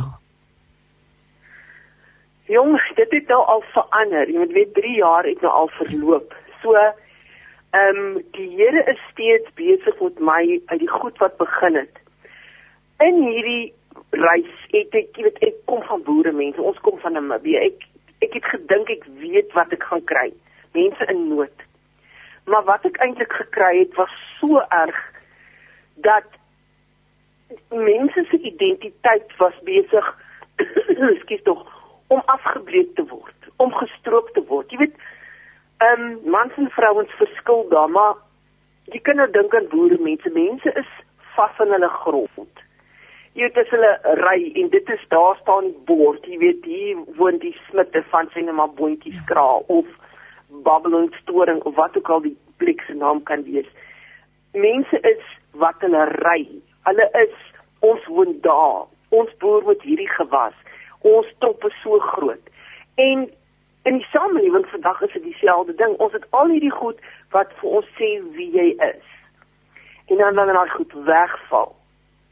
Wie is jy dan? Wie is jy as jy jou plaas verloor het? Wie is jy as jy en jou vrou ophou met mekaar te praat? Want daar is letterlik net niks meer om te sê nie. En daai ding, ek ek ek het begin sien dat hier's iets besig om te gebeur. Dit 'n pynlike proses, maar ek het Vader se hand gesien en weet jy hierdie proses is nie klaar nie. Daar's iets besig tussen die mense. Jy weet, wanneer 'n mens in veral oor tyd in 'n krisis is, nie 'n kort ene nie. Jy weet, ek weet nie die mense, ek weet die mense in die stede kan dit regtig besef nie. Daar's dele van ons land waar ons is nog nie uit die droogte nie. Daar is plekke tussen 7 en 10 jaar droogte. Nou hoe lyk 'n persoon na 10 jaar wat dit aangaan? Verstaan jy? En dan ek ek begin besef maar die Here is besig om hierso 'n nuwe identiteit vir mense te skep. Wat gebeur wanneer jy in so 'n krisis is? Is jou ware karakter kom na vore. En ek moet vir jou sê ongelukkig vir baie van ons is dit ons swakste deel. Hmm. Dis ons bangste deel. Dis ons gierigste deel. Wat kan ek bymekaar maak? Wat kan ek jy raak en dit is die ding wat waar die bokke van die skape geskei word. Ek praat nou van gelowiges en dan skape van skape. Dan is daar hierdie mense wat ek oor en oor gekry het. Voor die droogte was hierdie persoon niemand nie. Ek praat ek dink nou aan 'n paar jong mans. Hulle so in hulle 30s. En skielik is daar 'n jong man met 'n werk. Hy's nog nie eers uit nog nie sy eie plaas nie of hy's nie eens 'n boer nie. En hy begin sien die ouer mans in sy gemeenskap is besig om te vou. En ons van hierdie jong mans wat niemand was nie. Maar skielik met sy min geldjies of wat ook al, begin hy die ooms te help. Dis 'n voorbeeld. En nou het jy 'n ou wat hoeveel keer in die straat op en af gery het in jou dorp. Hy sommer net nog 'n jong ou, hy het nog niks van homself gemaak nie. En skielik begin hy hierdie eister te wees, hierdie hierdie jonger man wat onder die ouer man inskuif en sy arms omhoog hou. As jy verstaan wat ek bedoel. Ja. Sulke tipe goeders. Dit so daar's die groot negatiewe en daar's die groot positiewe. Mense is nie meer wie hulle was nie. En daar is 'n hense iets om te sê rondom identiteit. Ons kan nou nou nog daaroor praat. Anushka, oeg, ek wil jy raak eintlik hier aan so jy raak diep hier nê en aan 'n groot seer want ek dink boonbehalwe die droogte dit het ook met ons met die wêreld gebeur die laaste 2 jaar nê ons met nuwe identiteit skep, skep rondom hierdie krisisse waarmee ons ja. gekonfronteer was maar ek wil nou terugkom na die boek toe o oh, jene hierdie jy raak jy raak diep jy raak diep hierso sny diep hier vanoggend en is wonderlik. Wil jy ek glo daar's niemand wat jy wil uitsonder nie maar was daar 'n paar ontmoetings wat jou absoluut vir jou lewensveranderend was? Ja, nee, ek kan nie uitsonder nie, hoor. Dit dit was so intensiteit. ja, ek het geweet dit gaan 'n onregverdige vraag ja, wees. Ja, nee, ek ek kan nie, maar ek kan 'n paar prentjies skilder. En ja. ek sal hulle vinnig doen. Ehm um, daar was 'n plek in die Noordwes waar ek 'n man moes ontmoet om die afspraak te reël vir die onderhoud. So hierdie is net die ontmoeting. Dit is op 'n bed and breakfast waar ek gebly het, stoep en die man word aan my voorgestel en terwyl ons hande skud in daai paar oomblikke kom daai man in hy begin so te bewe sy gesig begin te vertrek en ek dink ehm um, hierdie ou gaan nou een of ander aanval kry jy weet hy en ek probeer ek ken nie die noordwesie dan was hy naaste hospitaal hierdie is amper nie eens 'n dorp nie en dan man sak in mekaar voor my dis net om sy naam te hoor Ehm um, hy het oorleef, maar ek bedoel daarna het ek ek onthou ek het op 'n toilet gaan sit met my kop teen die muur, dit was baie warm. En net gehuil, daai weg is. Hmm. Om iemand so te sien in mekaar invou net om 'n joernalis die skrywer te ontmoet. Verstaan jy? Ons nog eers begin praat nie. En toe het ek uitgevind dat hoe vreemd dit is dat ek is dikwels op daai stadium die eerste persoon gewees wat van buite af mense besoek wat alleen is. Hulle het hulle vrou, hulle kinders reeds weggestuur. Hulle wil nie gesien word in hierdie smart nie. Hulle wil nie hierdie kinders, die vrou moet sien jy weet hoe vrek alles om die huis nie. Ehm um, en dan kom ek daar en dan kry ek hierdie persoon alleen. Heeltemal alleen. En dan is ek die eerste persoon waarmee hulle praat en dit, dit was baie rof. Dit was nie oral so nie. Daar was ehm um, Och, dit was geil. Jong, ek het gereeld met my kar gesit langs die pad. maar en ek het ook vriende geraak met soveel mense. Dit is letterlik nou, ek dis nou 3 jaar gelede. Party van hierdie mense was ek tot nou die dag nog op die foon. Ons is vriende, ons is lewenslank vriende. Daar's 'n ander prentjie waar kom Boepeberg, dis dan naby Klein Willem. En dis 'n mooi vrou. Ek het gehoor hoe mooi sy is en hulle het 'n pragtige plek en sy vertel vir my ehm um, hulle het ek dink 5 of 6 Pekingese hondjies. Nie weet hoe klein is daai goedjies. Jy het Pekingese daar waar die oë uitpop as hulle skrik. Ja. En sy ja. sê vir my sy het nou net sien maar ek weet nie 'n dag voor die tyd van man gesê as sy dorp toe ry moet hy asseblief die Pekingese met die helfte minder maak want hulle het nie meer kos vir hulle nie. Hy moet hulle skiet. So, jy kan so klein as 'n bietjie nie so veel kos het hy nodig dan nie. Jy verstaan. En vir iemand om daai besluit te maak. Jy weet, dit is ek sou die goeders in my lewe nooit vergeet nie. So daar is vir twee prentjies. Ja, weet jy, want, want ek wil nou vir jou vra en soos jy praat, jy sê gaan dit jou lewe nooit vergeet nie jy het 'n ander mens aan die kant uitgekom, vermoed ek. ja. En en jy kan ons na die identiteit toe gaan in I mean agter in die boek op bladsy 306 praat ek oor 'n wildernis tydperk. Jy weet mense ja. is absoluut in 'n wildernis tydperk, die mense in die droogte, ons praat oor van die boere. Maar as ek nou na hierdie goedes kyk, kan ek sien maar dit is vir ons ook. Ehm um, my identiteit ek het so deel van hierdie storie geraak dat ek was onlosmaakbaar. Ek ek jy Davidjie sê 'n stuk van jou hart het op plek in Suid-Afrika hmm. agtergebly. Dit is so. Jy daar's mense in hierdie boek wat wat nie meer uh, met ons is nie. En dis ek het nog onderhoude, ek het nog hulle stemme in my kop en op my op my iPad. Maar waar ek nou is en wat uit hierdie storie uitkom is my identiteit. En ons identiteit, ons almal se en ek het 'n uh, um mag ek maar ietsie daaroor sê? Ja, ja. So daar is hierdie boodskapie wat iemand vir my gegee het. Dit het nou maar baie wankel gegaan het. Jy weet wanneer ons gestroop word ons sien ons praat van gelowiges. Maar jy weet ek het agtergekom jongs ons is wisselvallig en ons is dubbelhartig. Ek praat van myself. Iemand het vir my hierdie eenvoudige boodskap gegee. Staan vas en staan stil. Ek kon nie verstaan wat beteken dit nie. Nou is dit besig om vir my oop te gaan. Jy weet, ons het in elke dag hoeveel dinge wat vir ons wil sê wie ons is.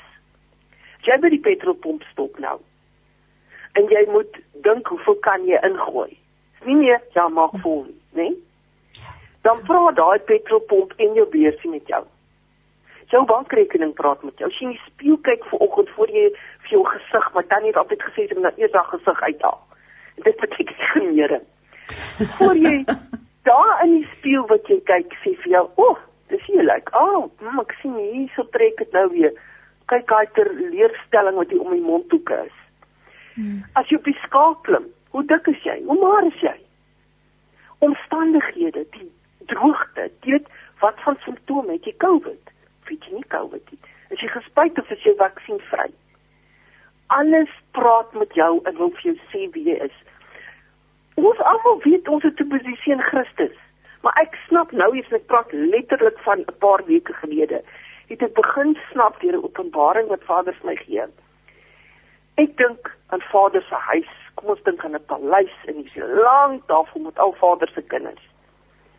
En Jesus het ons 'n posisie aan daai feestafel gekry, né? Hier is jou stoel Anushka, hier is jou stoel Christine, julle sit hierso. Daai geskenk wat koning Jesus vir ons gegee het, wat Vader vir ons gee deur hom. Ons kry die ewige lewe, maar wat van die res? Jy kry 'n posisie. Wat sy boodskap staan vas, staan stil. OK, al hierdie stemme sê vir jou wie jy is. Maar dis 'n laar waarheid. Jy kan simptome hê, jy kan in ICU lê, jy kan jou plaas verloor het, jy kan jou bankrekening nog gaan niks aan het, lyk net soos eiertjies 000000. Alles daai wil vir jou sê jy's minderwaardig, jy's armoedig, jy het dit nie gemaak nie, jy's te vet, jy's te maar, jy's siek, jy's sterwend. Maar daar's 'n hoër waarheid en dis jou posisie. En nou begin ek oefen. Dit maak nie saak ek sou self siek met tipe van 'n voedselvergiftiging of iets. Weet jy as jy so naar is dat jou gordyne se kleur jou naar maak. Dis naar jou. Nou dan is ek lag. Hey Anushka, selfs so lekker met jou vanoggend. Jy is nog steeds in die posisie ja van ja. divine health. Jy het ons het 'n geskenk gekry. Ek het nou die dag vir my oor 'n mik geskrik. Ek luister na Andrew Womack preek so kelby ou van Amerika en hy sê God will not heal you again because you've been healed. Gesondheid is 'n posisie wat ons instaan en sonder sonder twyfel in bly wanneer jy simptome het. Abundance is volheid, blydskap is goed waaraan jy bly. Al praat jou bankrekening baie lelik met jou. Al het jy jou vorige identiteit wat nog kon glimlag verloor. Ek oefen nou hierdie ding. Ek staan vas en ek staan stil daai posisie aan die feestafel wat Vader vir ons gee. Ons moet inoefen om konsekwent te wees. Weet jy wat gebeur dan? Vrees gaan weg. die goed wat hier om jou aangaan. Dis nie dat daai goed nie 'n realiteit is nie, maar jy besef dis 'n lae realiteit. Ek het byvoorbeeld ek is baie skaam te sê ek kan nie baierige mense verdra nie. En terwyl ek op hierdie reis was, jy partykeer word jy baie hartseer. Baie hartseer wakker. Jy word ontsteld wakker. En nou eers na hierdie reis is ek besig om te leer, maar wat ek is nie my baie nie. Hmm. Jy weet ek moes huisvergadering met myself hou. Ons is mos 'n tempel van die Here.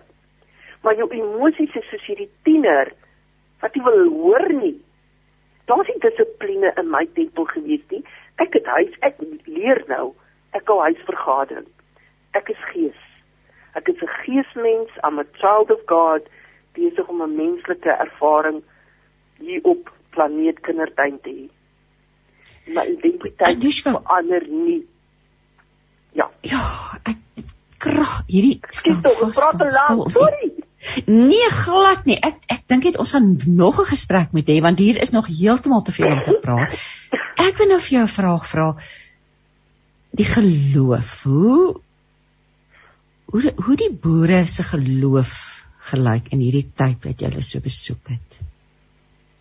Ek sou sê meestal swak. En weet jy dis 'n wonderlike ding.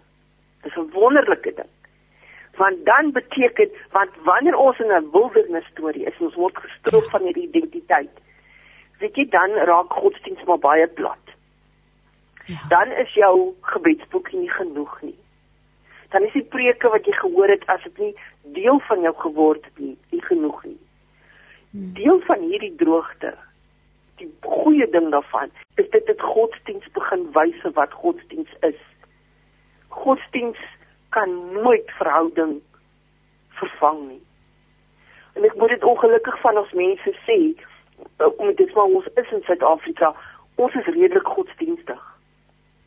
Jy weet in baie keer is godsdienst vir ons genoeg. Dit was vir lank was dit vir ons genoeg. Veral op in die boeregemeenskap. Jy gaan kerk toe, so lekker bazaar. Spak pannekoeke, ons doen dit en ons verstaan jy. En dit dit Maar wie is by jou wanneer jy weet 'n boer by 'n krib kom en alles lê dood of alles is besig om dood te gaan? Waar die jy weet ons het nou in hierdie tyd het ons diere het so anders te begin reageer. Jy weet, ek kan dit daar's op baie hartseer goed. Dis meer katte wat na 'n boer se huis kom verby die honde om kossies te vra. Wille koedes wat op mense se stoepe in mekaar sak verby die honde. Kom help my. Wille diere, verstaan jy? Jou jou eie diere, mense, jy weet en en dan net om ek weet nou net ek my ding waaroor praat ek? Ons praat oor geloof. O ja, geloof, geloof, ekskuus tog. So die ding is mense, ja, sorry man. Mense moes verloor die gemaklike plekkie. En een van die vrae wat ek van die boere gevra het, mens kan mos dink die gesprek met elke persoon hê nie. Ja. Ek ek het besef mense moet van voor af by die Here uitkom. Skrap die godsdienst, skrap jou verlede, skrap jou kerkgenootskap, jou visiep jou vrou se kar wat ek al met respek gesê. En net soos hier Jesus gevra het om Matteus 16, 'n vraag is wie wie sien julle is dit? En ek het dit vir 'n paar mense gevra en ek moes dit self ook om my boek te skryf. Julle wie sê ek is u? Wie? En dan as mense sê, "Oké, okay, ek het byvoorbeeld hulle gevra, glo julle in God?" Ehm um, baie mense het gesê nee, nee, nee, nee. Dis ook 'n goeie ding. Laat dit wat skoon begin. Eerlikheid, ons is nou gestroop. Maar as jy kan sê daar is 'n God, okay, die volgende vraag is vir 'n boer en vir jou vandag ons luisteraar is God 'n liefdevolle Vader. Kom moet nou nie sommer net antwoord nie. Is hy? Is jy seker? En dan wil mense sê ja, natuurlik, as ek in dit en daai hoe lyk jou bankrekening? Hoe hoe lyk jy? Hoe lyk jou gesin? Kyk hoe lyk dit om ons. Is jy seker hy's 'n liefdevolle Vader? Hoeveel jaar het julle droogte hierso? Mense het droogte in hulle lewens nie. Hierdie vraag kon ek in die boek nie beantwoord nie. en die Here het my nie gehelp nie. En toe het ek tot 'n besluit gekom. En dit was nogal 'n sleutel. Ek glo in God. Ek is nie altyd oortuig gewees van sy liefde nie. Maar omdat ek glo dat die Here regtig die Here is, die skepper van die ganse heelal, het ek saam met boere gesê, "Oké ouens, kan ons besluit ons buig voor hierdie God. Of ons nou glo in sy liefde of nie, kom ons onderwerp ons aan sy woord. Wat sê hy het ons lief totdat ons oortuig word. Ons doen nie die onderwerping. Jy hoef nie te lieg, jy kan anyway nie lieg vir die Here nie. Wie wat 'n lieflike ding is dit wanneer jy kies ek buig my voor daai liefde al glo ek nie daarin nie. Want dan sê God ook 'n rat. Nou gaan ek vir daai liefde wys. Dit het ek gevind. Dit is 'n wonderlike ding. Ja. Jy hoef nie te maak of jy in die liefde glo nie. As jy dit verloor het, dan het jy dit verloor en jy kom net soos wat jy nou is. As jy kwaad is, as jy met Vader wil beklei, mans doen dit nog af, nee. Ek het 'n boer geken wat onder 'n bos met die Here beklei het en die Here het vir hom gesê, "Kalmeer nou of jy gaan sterf." Daar was ongelooflike interaksies van dit word regtig genuine. Dis nie meer daai ver God nie, dit is of U is my God of nie. Van hierdie daai dis regte verhouding. Van daar uitstap is die persoon nooit weer dieselfde nie. Geen kerk gaan dit vir hom kan gee nie. Nou is my God in die droë grond. Nou is my God in die rivier wat nie loop nie. Nou is my God hier waar ek sit besig om karkasse te begrawe. Of in my kar om op my voor my bank status te check en nog het niks aan nie. Maar my God is met my want hy is my Vader. Ek het gekies. Ek glo is my Vader. En nou sê ek dan begin ons van voor af, nê? God se genade is so groot. As daar niks oor is, kan ons van voor af begin met hom. Wat vir my so mooi is en jy praat nou vanuit die perspektief van die boere, maar jy praat ook van mense wat hulle self in 'n persoonlike droogte en in 'n wildernis tydperk bevind. Jy sluit die boek daarmee af. En ek dink dit sou mooi wees as ons gesprek daarmee ook kan afsluit en ek gaan weer weer bel. Ek dink ons moet weer gesels hier. Ons is nog nie klaar gepraat nie. Ehm um, maar net so vinnig, jy noem 10 punte. Ek wil amper sê lewenslesse vir mense wat hulle self ver oggend wat luister en hulle self in hierdie droogte en hierdie wildernis bevind. Wat sê jy vir hulle? OK, die eerste ding is om nie te jok nie. Sê jy is daar, moenie maak, moenie gesiggie aansit nie. Vader ken jou hart in elk geval. As jy nie meer lief voel vir Vader nie, as jy Vader nie meer vertrou nie, sê dit. Ehm um, ek het ek is baie visueel, so ek het ehm um, en as ander mense jou teleurgestel het en kwaad gemaak het, dan doen ek ek sien myself as 'n klein dogtertjie en vader is in sy studeerkamer en dan gaan klik en geklik ek die mense. Ek gaan klik byvoorbeeld gereeld die regering. Dit help my. Dis een ding. die ander ding is jy moet weet jou wildernis tydperk. Ja. Hoe jy daarop reageer is hoe lank jy daar gaan bly. Dit kan letterlik 'n kort tydjie wees soos die ouens wat in die wildernis was in die Bybel. Jy weet ek hoor hulle moes soos in 14 dae eintlik gevat het, hulle was 40 jaar daar. Jy kan 'n leeftyd in 'n wildernis tydperk wees, ons self besluit. Ehm um, ding van die wildernis is jy voel vasgevang, die sand is diep. Jou omstandighede is nou al hoe lank dieselfde, jy bid vir jou blou, daar gaan net niks aan nie. Maar Vader vra dat jy aanhou beweeg.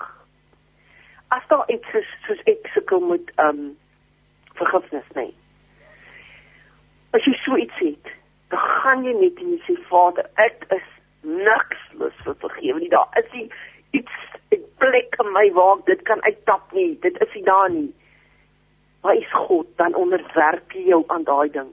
Ek onderwerp my aan die vergifnis wat Jesus in my het die Here doen so goed dat jy nie van kan glo nie. Ander ding is jy moet mooi weet dat wanneer Vader stil is, dan beteken dit nie hy's afwesig nie. Daar sê die prentjie in die boek van wanneer kinders eksamens skryf. Die juffrou praat nie dan meer met hulle oor wat sy vir hulle geleer het nie. Sy staan by hulle. Maar nou is dit hulle tyd. Verstaan jy om weer te gee wat hulle geleer het. Die juffrou is daar. Dan is daar 'n lieflike ding wag op die Here. Jy weet ons lewe is gejaag. As jy kan vroeër opstaan of as jy net iewers 'n paar minute in jou dag in jou kar kan sit, mens uh, erg iets om te sê 'n toilet Partykeer is die enigste plek waar iemand van die res van die huis kan wegkruip of jou kollegas op kantoor is 'n toilet. Ek het al toe nog destyds in 'n kinderhuis gewerk het, so gebid in 'n toilet en in 'n spens dat daar 'n goddelike atmosfeer in die toilet was. Jokkie vir nie. So daar is ouwe, die wonderlikste ding. Die plek, die wildernisplek, nê. Nee, is 'n plek van ontmoeting ek wil nou sê ek mag nie vloek op die ehm um, die nonsens is nee, verby. Nee, mag nie glad nie. ja, mag nie vloek. Ek het nog gesê die BS is verby. Verstaan jy? Wildernis tydperke. Is jy kaal? Daar sien die lantuintjies, daar sien jy Bybelstorieetjies nie. Daar sien jy godsdienstgoedjies nie. Daar sien jy opgeplakte versies, nie kan ek amper so sê, jy weet, dit moet nou hmm. regtig raak. En die wildernistyd is regtig 'n tyd van ontmoeting. Dis die plek waar dit kan gebeur vir jou. En in 'n wildernistydperk, wanneer mense so gestroop is, kom hulle destinies. Dit waarvoor hulle geskaap is, baie tevore. Baie keer is dit die plek waar jy uiteindelik helderheid kry. Hmm. Dis nou Veronica de Bruin wat sê dankie, dankie vir hierdie kosbare getuienis. Um so lekker om te hoor. Anushka, ons tyd is verby. Ons volgende gas sal amper gereed vir die gesprek. Jo, ek gaan net hierdie boek se naam herhaal. Hy's al in 2019 uitgegee. Hy het hierdie jaar vir die eerste keer op my lesenaar beland. En ehm um, ag die Here se tyd is op mos die die beste tyd. Maar dit die titel ja. is net voor die droogte en dan so in rooi gesit my breek 'n reis na stories van hoop uitgegee deur die Christelike Lektuurfonds um literature Christian Literature Fund Publishers jy kan die boek op hulle webwerf kry jy kan die boek op Takealot koop so sorg dat jy hierdie boek in die hande kry propvol diep harts stories pragtig geskryf lewenswyshede geloofswyshede Anushka Ag, ek waardeer so dat jy al die pad dorp toe gekom het om by te kom gesels vir oggend. Ja, en, en die kat wil net heeltyd by my wees. Die kat is onder my poncho. en ek gaan sommer nou oor die lig maak ek weer 'n afspraak met jou. Ek gaan vir jou WhatsApp. Ons gaan dit nog 'n afspraak maak om verder te gesels. Ek voel ons het nog net eintlik begin praat, maar so baie dankie seën vir jou. Ag, mag die Here met jou wees en regtig dankie vir wat jy vanoggend vir ons en vir baie ander mense beteken het. So alles wat mooi is en nogmals dankie. OK, dankie. Moenie vergeet om te kom vir die vleisfeesie. O, ek het gesien van die vleis, ons sal mekaar daar sien. Totsiens okay, Anushka, mooi bly, okay, tata. Bye. Besoek ons webblad by www.radiokansel.co.za. Dis meer as net radio.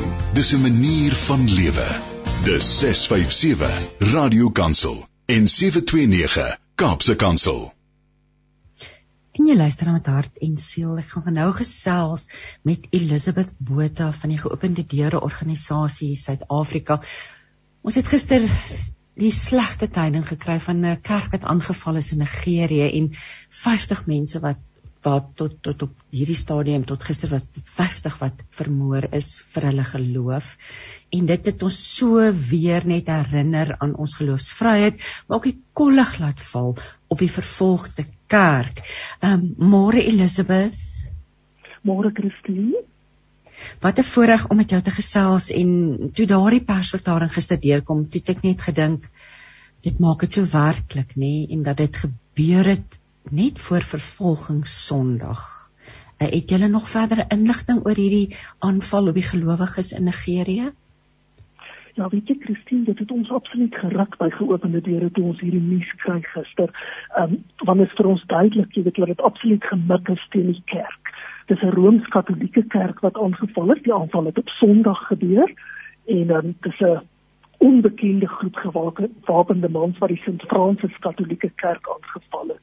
Die kerk is in die dorp Ou Ou ek weet nie of ek dit reg uitspreek nie in die Ondo staat in suidwestelike Nigerië.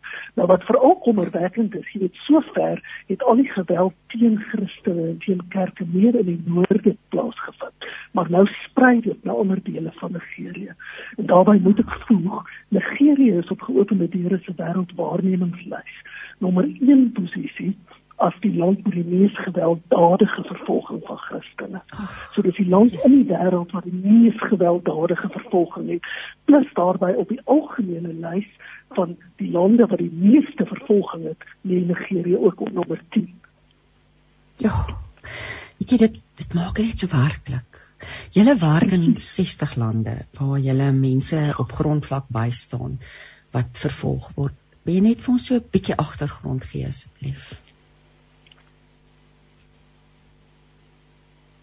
Werk in meer as 60 lande en um, ons doel dit is om mense wat vervolgde Christene is te versterk en te ondersteun. Nou ons doen dit op verskillende maniere. Van die maniere waarop ons dit onder andere doen is deur dinge soos die lewering van Bybels, die verspreiding van Christelike literatuur, besoeke aan vervolgde Christene, disipelskap, opleiding aan aan vervolgde Christene om hulle toe te rus om dan ook verder ander op te lei. Dan doen ons ook noodleniging aan slagoffers van vervolging en ook slagoffers van natuurrampe. Ehm um, ons verkondig en bevorder bewustheid deur voorspraak. En ons probeer absoluut om in die voorste linies te wees waar dit nodig is en vervolgde Christene dan op allerlei verskillende maniere waaronder nou hierdie wat ek genoem het by te staan en hulle te ondersteun en hulle te versterk en hande te vat met hulle. Julle is natuurlik deel van 'n wêreldwye organisasie. Broer Andrew is bekend, hy is die hy was die stigter gewees. Maar baie mense besef nie dat die vervolginge van Christene eintlik al eeue gelede begin het nie, nie en vandag nog 'n realiteit is. Net so 'n bietjie meer oor die prentjie, jy het begin praat oor die wêreldwaarnemingslys. Miskien kan jy net net so ietsie daaroor weer sê voordat ons praat oor vervolging Sondag. Ja, Christine, die wêreldwaarnemingslys is 'n lys wat geopende deure elke jaar in Januarie vrystel. Dit word wêreldwyd vrygestel by al die takke van geopende deure. En daar word intensiewe navorsing gedoen voordat hierdie lys vrygestel word. So dis nie sommer net jy weet, daar word baie diep navorsing gedoen in die lys bestaan uit die 50 toplande waar Christene die meeste vervolg word in die wêreld. Nou dit is nie net in 50 lande waar Christene vervolg word. Dit is baie meer lande, maar die lys fokus dan spesifiek op die 50 lande waar vervolging die meeste voorkom.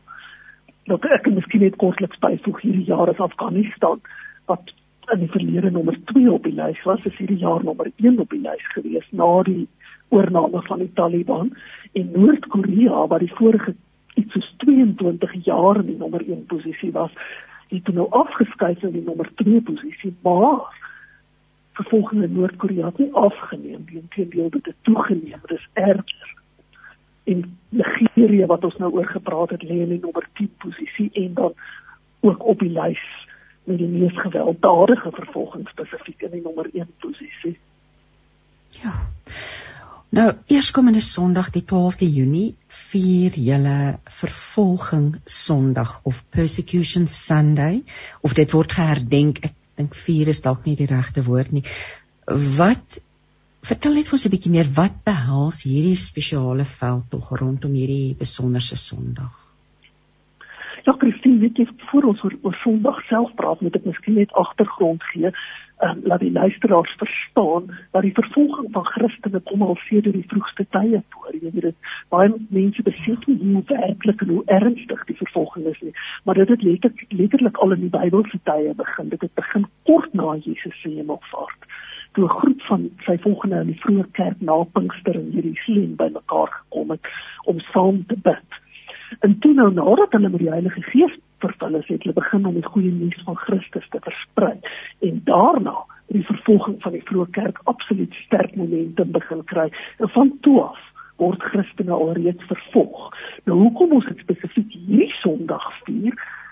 Ehm um, die Sondag direk na Pinkster is wêreldwyd bekend as vervolgingssondag en dit is dan nou eerskomende Sondag 12 Junie. Nou hierdie dag beklemtoon die intense vervolging van Christene in baie lande weens hulle geloof in Jesus. En ons wil basies bewusmaking skep van Christene wat vervolg word hulle hulle staar dinge in die gesig so tronkstraf, diskriminasie, verwerping, ernstige marteling. Baie van hulle word doodgemaak weens hulle geloof, heeltemal deur hulle families uitgeskop en verwerp, deur die owerhede vervolg. Jy weet, so daar's so baie maniere waarop Christene vervolg word. So ons moet deur die herdenking van vervolging Sondag bewusmaking skep hieroor dat mense besef hoe erg is die vervolging van Christene werklik. En ons wil kerke en ander Christelike organisasies aanmoedig om betrokke te raak om geopende deure hande te vat om bewustheid oor die swaar kry van vervolgde Christene te skep. Het julle spesifieke maniere? Is daar is daar dinge wat mense kan doen? Mense, individue, kerke, organisasies soos jy dit nou reg gesê het. Hoe kan ons hoe kan ons deel word hiervan? Daar's verskillende maniere waarop individue, kerke, Christelike organisasies, ander organisasies en ek ek moet byvoeg in alle denominasies, dis nie net spesifieke kerke nie, dis alle denominasies betrokke kan raak. Ehm um, daar is op hierdie stadium al reeds meer as 60 kerke van verskillende denominasies wat aangedui het dat hulle hierdie betrokke raak daarbey in Sondag hulle stem vir vervolging Sondag gee. Nou daar is veral drie hoofmaniere waarop mense betrokke kan raak. Eerstens kan mense op vervolging Sondag wat nou eers komende Sondag is 'n spreker by hulle eie kerk wees enige een kan 'n stem vir die vervolgde kerk wees en vir vervolgde Christene wat nie in staat is om vir hulself te praat nie. Deur 'n vrywillige spreker by hul eie kerk te wees. Presies, dit is die ideale geleentheid om die boodskap van die vervolgde kerk te help versprei. Nou mense wat nie kan sien om self 'n spreker by hulle kerk te wees nie, kan een van geopende deure se vrywillige sprekers nooi om by jou Sondag erediens op te tree. Ons sprekers gaan op Sondag by kerke reg oor die land optree en persoonlike aanbiedings doen by talle kerke reg oor die land. Hulle gaan getuienisse deel oor die opofferings wat vervolgende Christene vir hulle geloof maak. En dan ook fokus daarop oor hoe Jesus daardeur getrou bly en verheerlik word. So kerke is baie welkom om geopende deure se sprekers uit te nooi om by hulle kerke op te tree. Dan die derde manier mense in kerke en Christelike organisasies betrokke kan raak. Hulle kan aanlyn by geopende deure aansluit op Sondag.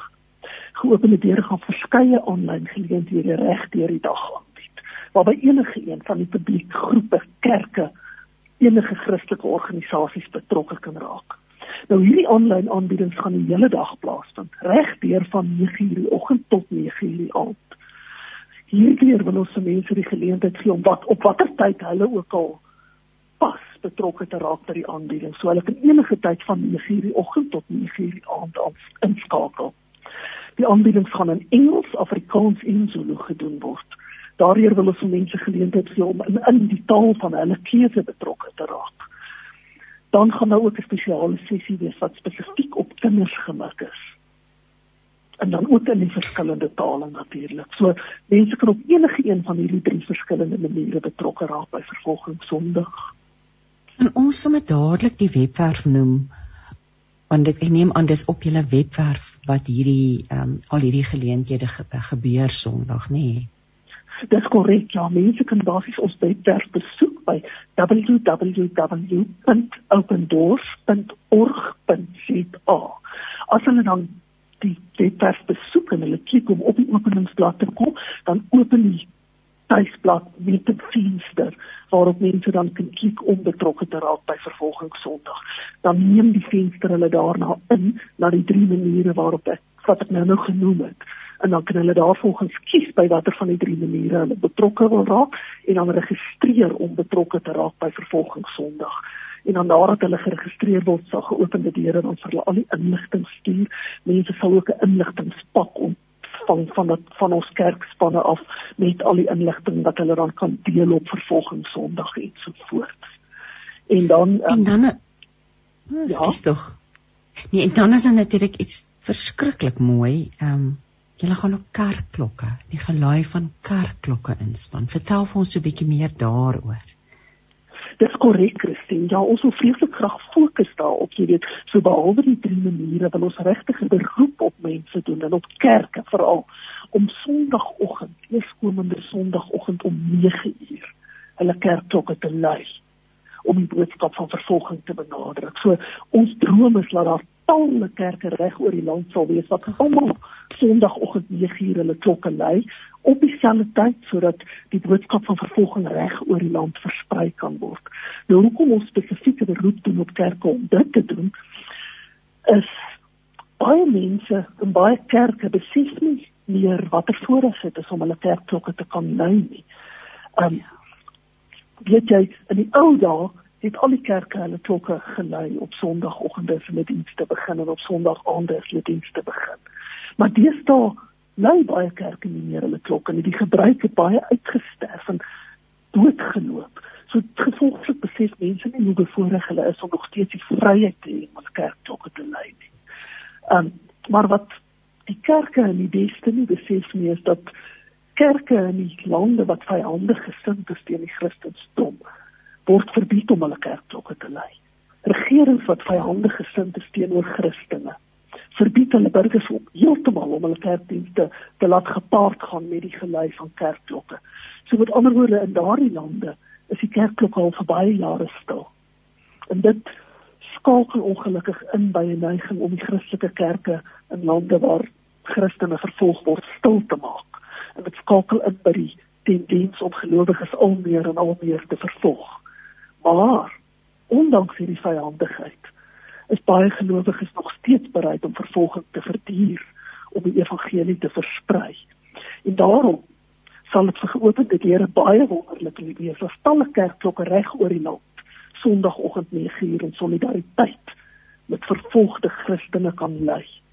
En vir ons van die weerklank van kerkklokke kerkklokke in dorpe en stede reg oor die land op dieselfde tyd 'n fantastiese gebaar wees om die boodskap te versprei van Christene wat weens hul geloof vervolg word. Lisbeth, ek is hoendervleis. Ek is hoendervleis van die blote gedagte nê.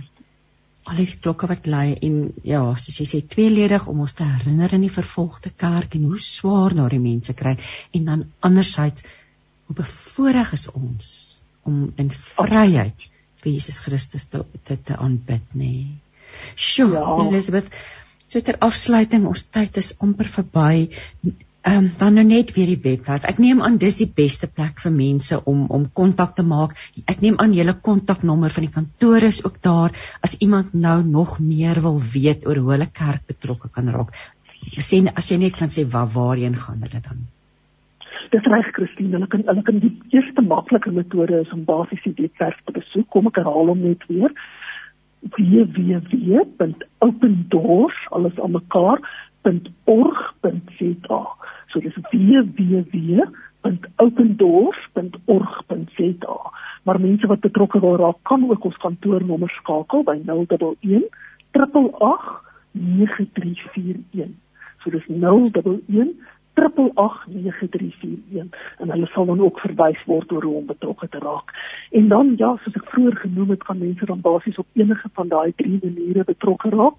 'n Spreker wees by jou kerk op vervolging Sondag of een van geopende deure se vrywillige sprekers na jou Sondag erediens nooi of soms deur die dag aanlyn by geopende deure se verskillende geleenthede in verskillende tale aan te sluit.